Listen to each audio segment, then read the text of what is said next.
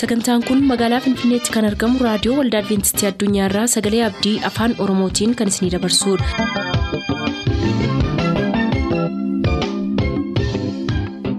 Harka fuuni akkam jirtu kabajamtoota dhaggeeffattoota Sagalee Abdii nagaan waaqayyo abbaa bakka jirtan hundumaatti hunduma keessaniif haa ta'u jechaa sagantaa harraaf qabannee isiniif dhiyaanne mata duree ifa dhugaa jedhudhaa qabannee dhiyaanne irraatii ittiin eebbifama.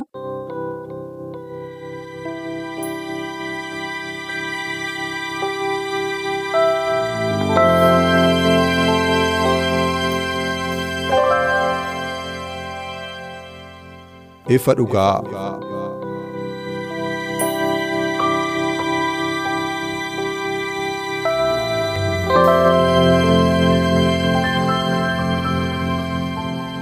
Ifa dhugaa.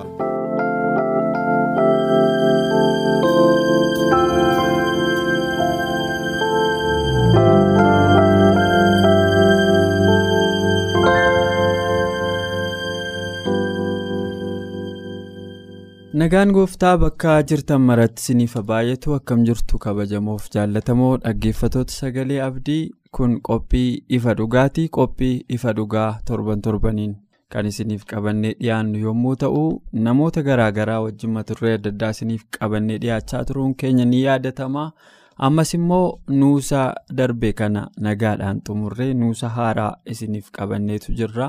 nuusi haaraan nuti haalana isiniif qabannee dhiyaanne kan torban kudha sadiif walitti aansinee qayyabachaa turru qormaata keessatti kiristoosii wajjiniin dabarsuu kan jedhudha yookaan immoo kiristoosii wajjin qormaata keessa ta'uu kan jedhu irratti xiyyeeffachaa turra egaa yeroo hundumaayyuu waa'ee kanaa yommuu walitti fufiinsaan qayyabannu turtii keessan akka nu wajjiniin godhattan haasumaan. isin afeeruun barbaada har'a immoo sagantaa kana keessatti kan na wajjiniin jiranii daani'eel habtaamuu akkuma yeroo darbee sanbatoo gofar immoo gama biraatiin har'a nuusa haaraa kana keessatti nu wajjin hirmaachaa itti fufa kanneen kanaa wajjin sagantaa keenya isiniif dhiyeessuu itti fufuu dura waaqayyo hafuura isaan akka nu geggeessuuf sanbatoo gofar kadhannaa nuuf godhe nu jalqabsiisaa bakkuma jirtanitti nu waliin ta'a. gaarummaa kee hundumaaf si galateeffannaa waaqa keenya. karaa beekamuuf hin beekamne tumsaaf deeggarsa jaalalaa fi ho'a araara nutti argisiifte hundumaaf maqaa gooftaa yesuusiin galanni siif haa ta'u. kunooti ammas fuula kee dura jirra sa'aatii kana nuti iddoo kanatti kan argamne akka ta'utti dubbii kee dubbachuu akka dandeenyuuf ayyaana keenuuf baay'isi. fagoo fi dhiyoo ta'anii qilleensarraa sagalee abdii kana kan dhaggeeffatan nama hundumaaf iyyuu hafuurri qulqulluun golaa fi bakka isaan jiranitti argame dubbii kana akka isaan hubachiisu. Nullee ittiin fayyinee warri sagalee kana dhaga'anis ittiin fayyanii gaaf tokko mootummaa kee keessaa qooda qabaachuu akka dandeenyuuf hunduma keenya gargaari. Sagantaa keenya kana hundumaa sitti laannaa jalqabaa haga xumuraatti gaggeessaa fi qindeessaa taateen wajjin akka dhaabbattu jaalala kee haa ta'u maqaa yesuusiin. Ameen. galatoomaa hundi keessaniyyuu sanbaatis waaqayyo isaa eebbisu daanii baga nagaan deebitee dhuftee baga wal argine jechuun jaalladha. Egaa har'a akkuma jalqaba isiniif caqasuuf yaale qorannoon keenya nuusa kanaa tokko inni kanarra jalqabaa jirru kun torban kudha sadiif kan walitti fufnee eegallu waa'ee kiristoosii wajjin qormaata keessaa ta'u nutti hima. Afaan Ingiliffaasaa irraa hiikaa inni kun irraa hiikamerraa in the crucible with Christ akkas jechuun yoo dikshineerii adda addaa ilaaltu kirusibiliin meeshaa sibiilli keessatti baqudha. Sibiila warqee fa'aa waan adda addaa kana yookaan immoo boolla ibiddaa kan sibiila adda addaa kana keessatti qoran keessatti baqsanis in agarsiisa. Walumaa gallagaa sibiilli qophaa isaati boolla ibiddaa keessa kan seenu garuu qormaata kiristaanaa kana immoo akka inni itti dhiyeesse kiristoosii wajjin keessa seenuu qaba. Kanaaf gam tokkoon qoramuun ulfaataa yoo ta'eyyuu gam biraadhaan immoo waan abdii namaa kennu. of keessaa qaba. Sababiin isaa kiristoosii wajjin seenna qormaata yeroo baay'ee qophaa keenya hin dhiisu nuun jedheera waan ta'eef. meegaa gara yaadannoo isaatiitti yoo deebine barumsi tokkoffaan kun qorumsa tiksee irratti xiyyeeffata.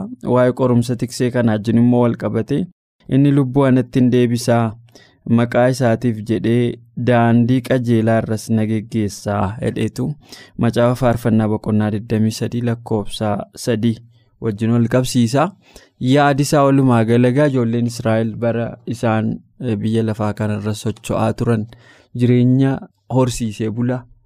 Warra bakkatti marga gaarii iddoo bishaan gaariin jiru barbaacha adeeman achi keessatti immoo qormaata isaan mudatu achi keessatti immoo akkaataatti tikseenii horii isaatiif eeggannaa godhuun wal qabsiisee qormaata tiksee sana mudatuunis wal qabsiiseetu yaada har'aa isa guddaa nuuf qaba daani'eliif carraa jalqabaan kenna dhimma kanaan wal qabsiise kanarratti waan nuuf dabaltu saaqiinsaaf akka ta'utti. Tole galatoomi dhimma yeroo jalqabaaf waa'ee qorumsaa ilaalchisee yookiis waa'ee dhimma qormaataa ilaalchisee macaafa faarfannaa boqonnaa 23 guutummaatti maal akka jiru dhimma tiksee hojii wal qabsiiseeti kitaabni qulqulluun kan haasa'u. Sana keessatti waaqayyo warra isa barbaaddataniif tikseedhaaf burqaa bishaanii akka kennu darbees immoo wanta isaan nyaatan akka kennu utuma. Lubbuun keessaa bahuuf illee lubbuu sana akkatti deebisu kitaaba faarfannaa boqonnaa 23 lakkoofsa 3 irratti ni argina. Kanaaf as keessatti seenaa tokko nuuf kaasaa kitaabni yookiis qayyabannaan keenya yeroo ammaa kun seenaa tokkotu jira.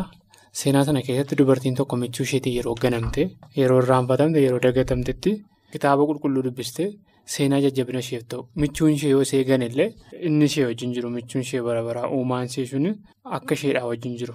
Ammam michuudhaan ganamuun michuudhaan irraanfatamuun yoo jiraate illee waaqayyo michuu ishee amanamaa akka ta'e gara iddoo gaariitti akka ishee geessu as keessatti seenaa kanarraa wanta tokko barannaa. Waaqayyo as keessatti imala yookaas geggeessaa gaarii tiksee tokkoof akka godhu kitaaba faarfannaa boqonnaa 23 lakkoofsa tokkorraa waaqayyo tiksee kooti ani homaan dhabuu jedha. Jechuun namni waaqayyo tiksiisaa ta'eef homaa tokko akka hin namne inni gara marga lalisaatti hoolota isaa. Tiksee gara iddoo gaariitti akka isaan geessu hin dubbata. Garuu wanta tokko as keessatti argina. Yeroo wanti hundumtuu gaarii ta'ee jiru waa'ee waaqayyoo fi waa'ee kaayyoo isaatii yaada gaarii qabaachuun salphaadha. Jechuun yeroo wanti hundumtuu siif guutee wanti hundumtuu salphaatee karaarra siif haala mijataa ta'utti maal ta'uun salphaadha. Waa'ee waaqayyoo hubachuun salphaadha. Yeroo baay'ee fakkeenyaaf anis ta'ee sanbatoonni. Amma addunyaarra jirutti qormaata tokko tokko dhabnee hin beeknu. Amma addunyaarra kanarra jirutti hundumti keenya qormaata garaa garaa qabna. Yeroo sanatti waaqayyoon hubachuun baay'ee ulfaataadha. Jiraachuu waaqayyoo yeroo sanatti sitti mul'achiisuu danda'a yeroo abdii kutanna. Garuu yeroo itti maal ta'uudha jiraachuun waaqayyoo yeroo itti tilmaamamu, yeroo itti yaadamu, yeroo itti yeroo qormaataa, yeroo addaa, yeroo itti waaqayyoo mul'achuudhaaf jedhu yeroo abdii kutannaatti akka ta'e hubachuutu nurra jira. Waaqayyo yeroo gaariittis jiraachuusaa. Yeroo hamaattis yeroo haalli rakkisaa ta'etti waaqayyo namaa wajjin jiraachuun isaa yeroo itti mirkanaa'udha. Haala gaarii keessatti qofa osoo hin taane waaqayyo haala hundumaa keessatti eenyu wajjin jira hoolota isaa ijoollee isaa wajjin akka inni jiru gabaabaatti asumarraa hubannaa.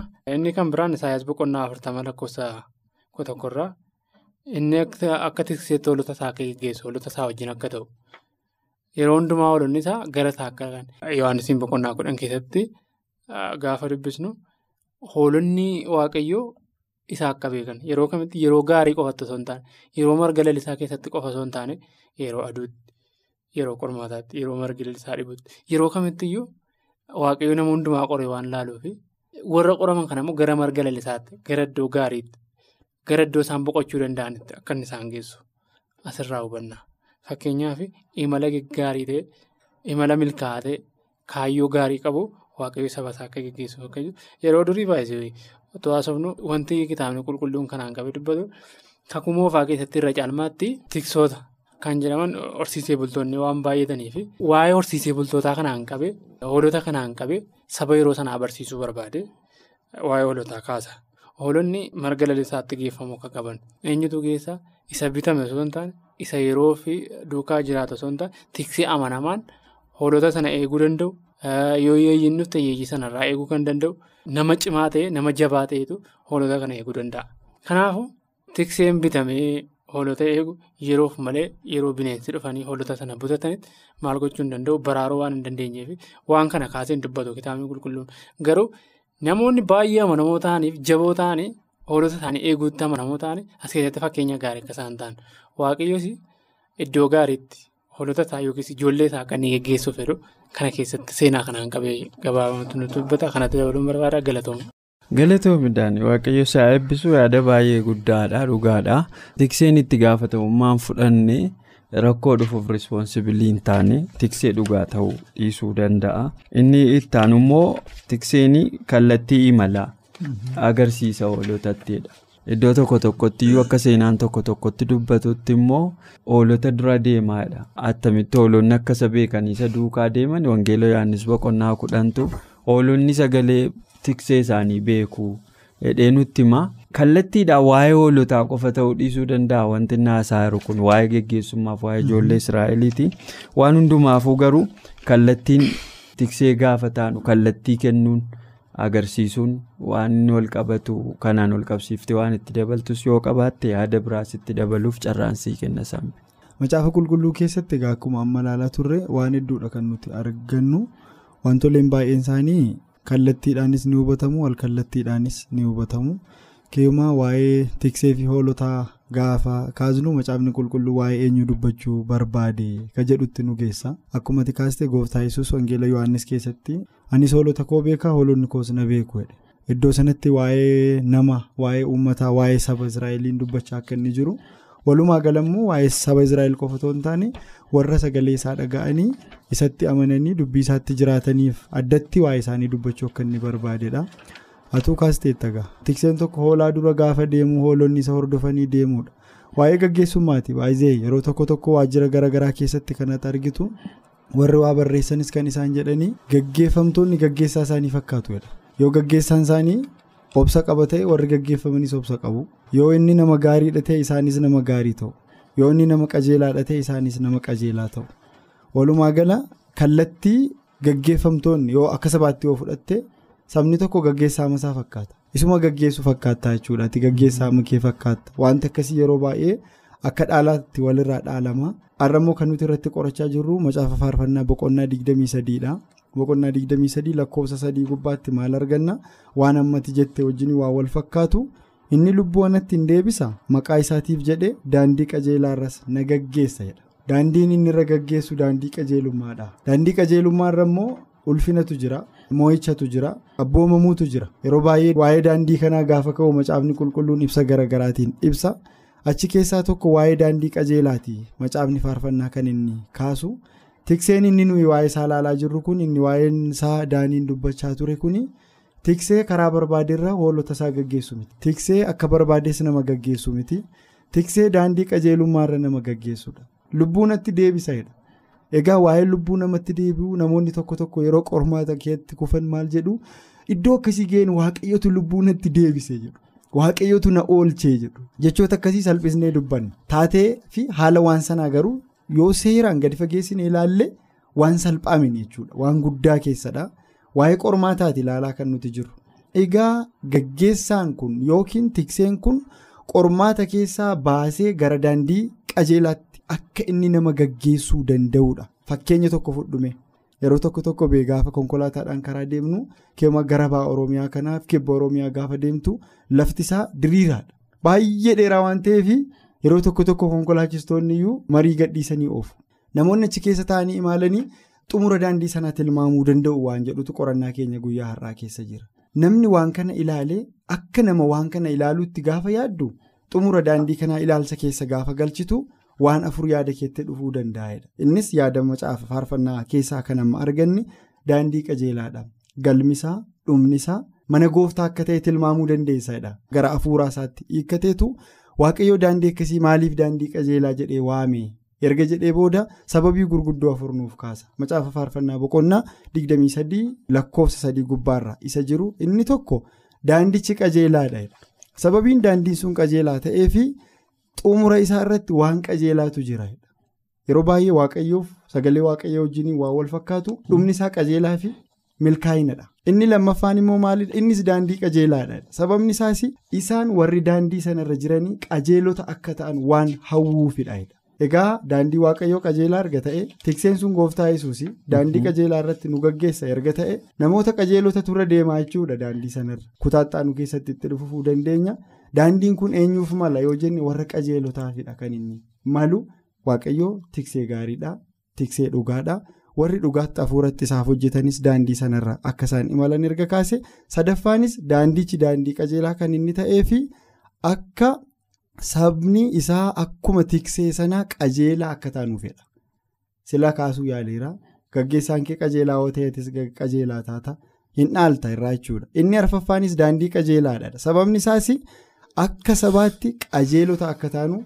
waaqayyotu barbaada. Walumaa gala girmisii gabaabsuuf yaada koo daandiin suni daandii qajeelaadha. Imala qajeelaadha. Warri achirra deemanis qajeeloodha. Qormaata keessaa ba'anii daandii qajeelaa kanarra tiksee qajeelaa wajjin deemuun hin danda'ama yaada jedhuuf keessaa qaba. hedduu galatoomi sanbee yaadi qorannoo keenya kanaa duubisaas fuuldurisaas wal qabatee jira. Waanuma waltumsuudha kutaa ittaanu jalas immoo yaadi jiru imala eegamin al tokko tokko. tiksee fi hoolota mudatu nutti hima al tokko tokko tiksoonni utuu hin beekin kallattii gadhiisanii yookaan immoo hoolonni utuu dogongoraanii allayyaa keessa deemuu danda'udha. Allayyaa sana yoo seenanii ofii isaaniitiin bahuu hin danda'anidha. Yoo tikseen suni kallattii ittiin bowwaa sana keessaa isaan baasu kallattii ittiin dukkana sana keessaa isaan baasu falle maleedha. Kanammoo maal wajjin wal qabsiisee fidaa faarsaa boqonnaa 23 lakkoofsa afurii wajjin wal qabsiiseetu ani bowwaa dukkanaa sodaachisaa keessa yoon adeemeyyuu hamaan anatti dhufa jedhee hin sodaadhu ati naa wajjin jirtaa. Uleen keetiif dhaabbanni keessa anan jajjabeessu hedheetu wanta daawwitii eegumsa waaqayyo isaaf godhu akka fakkeenyaatti fudhate akkamitti waaqayyo bowwaa dukkanaa hallayyaa qilee dukkanaa ifa hin qabne keessatti akka waaqayyo isa geggeessee fi abdii waaqayyo isaaf ta'e immoo jabeessee dubbata jechuudhaan. Kitaabni qulqulluun keenya qajeelfama gaarii nuu kennaa jedheen abdii qaba. Daanii kutaataanu jalatti waan itti dabaltuu qabaatte kanaan ol qabate. Tolee galatoomii akkuma isin amma kaasaa turtanii mata dureewwan kun baay'een isaanii wal qabatu.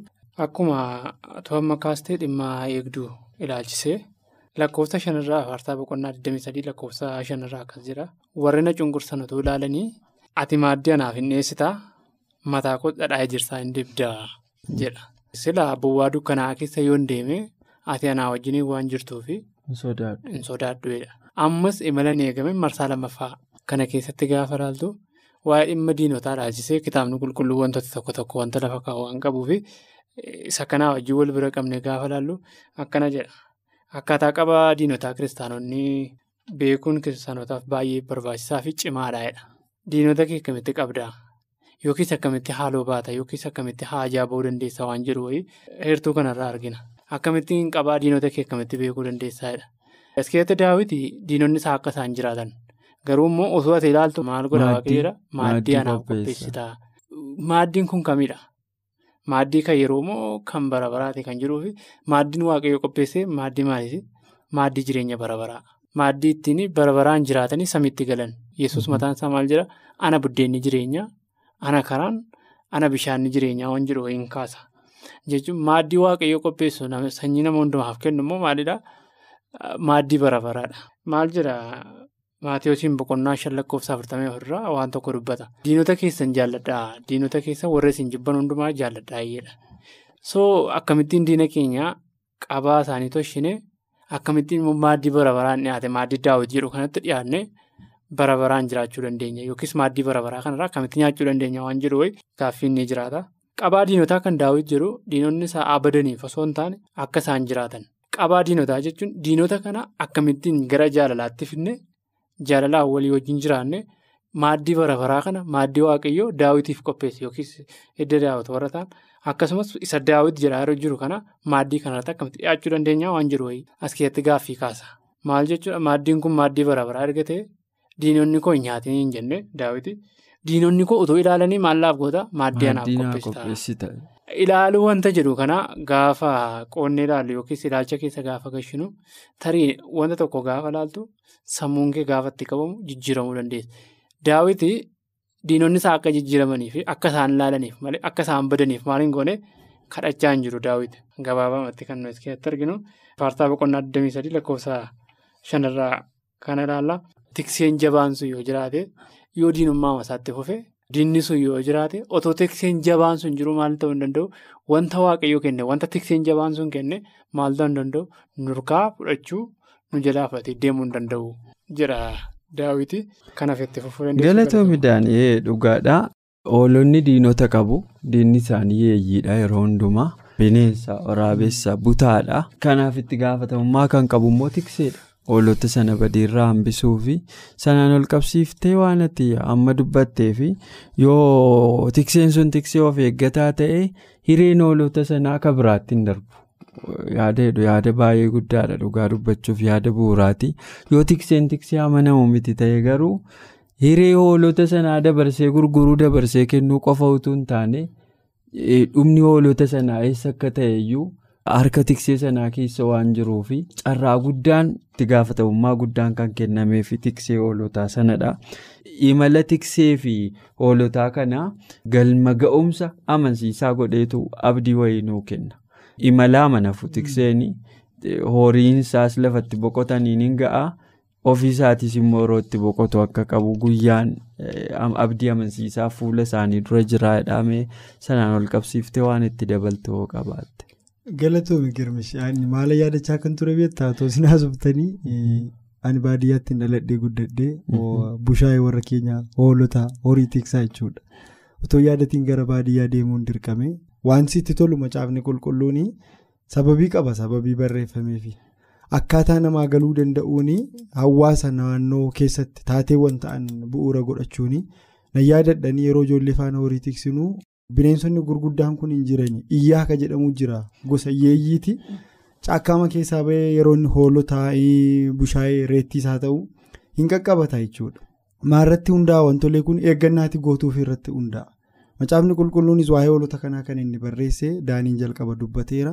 Baraka kuumoofaa baay'een isaanii jireenya tiksummaati ture. Namni waa tikseedha kan inni jiraatu akka bara kanaayyuu miti jechuudha. Haala sana keessatti isaaniif galuu akka danda'uttidha waaqayyoo caafanni kun akka inni barreeffamu kan inni godhe too naannoo keenyatti fakkeenya beekamaa tokko fudhannee caalmaatti nuu galuu danda'a. Akkuma tamma kaaste galma qaba.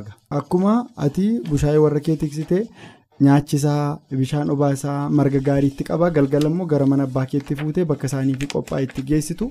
Tikseen kunis immoo hoolota isaa kana nyaachisee tiksee eegee kunuunsa barbaachisuu fi erga godhee booda galma isaaniitiin ni ga'a. Galmi sun mana waaqayyootiidha. Kutaa jalqabaa keessatti dubbachuuf yaaleen ture'anii iddoo kanas maaltu jira lakkoofsa jaarraa dubbifanna. Faarfannaa boqonnaa 23 lakkoofsa jaa gubbaarraa eeyyee bara jireenya koo hundumaatti gaarummaan kee fi arjummaan kee ana duukaa hin bu'u guyyoota kana hundumaafis mana waaqayyoo keessa nan jiraadha.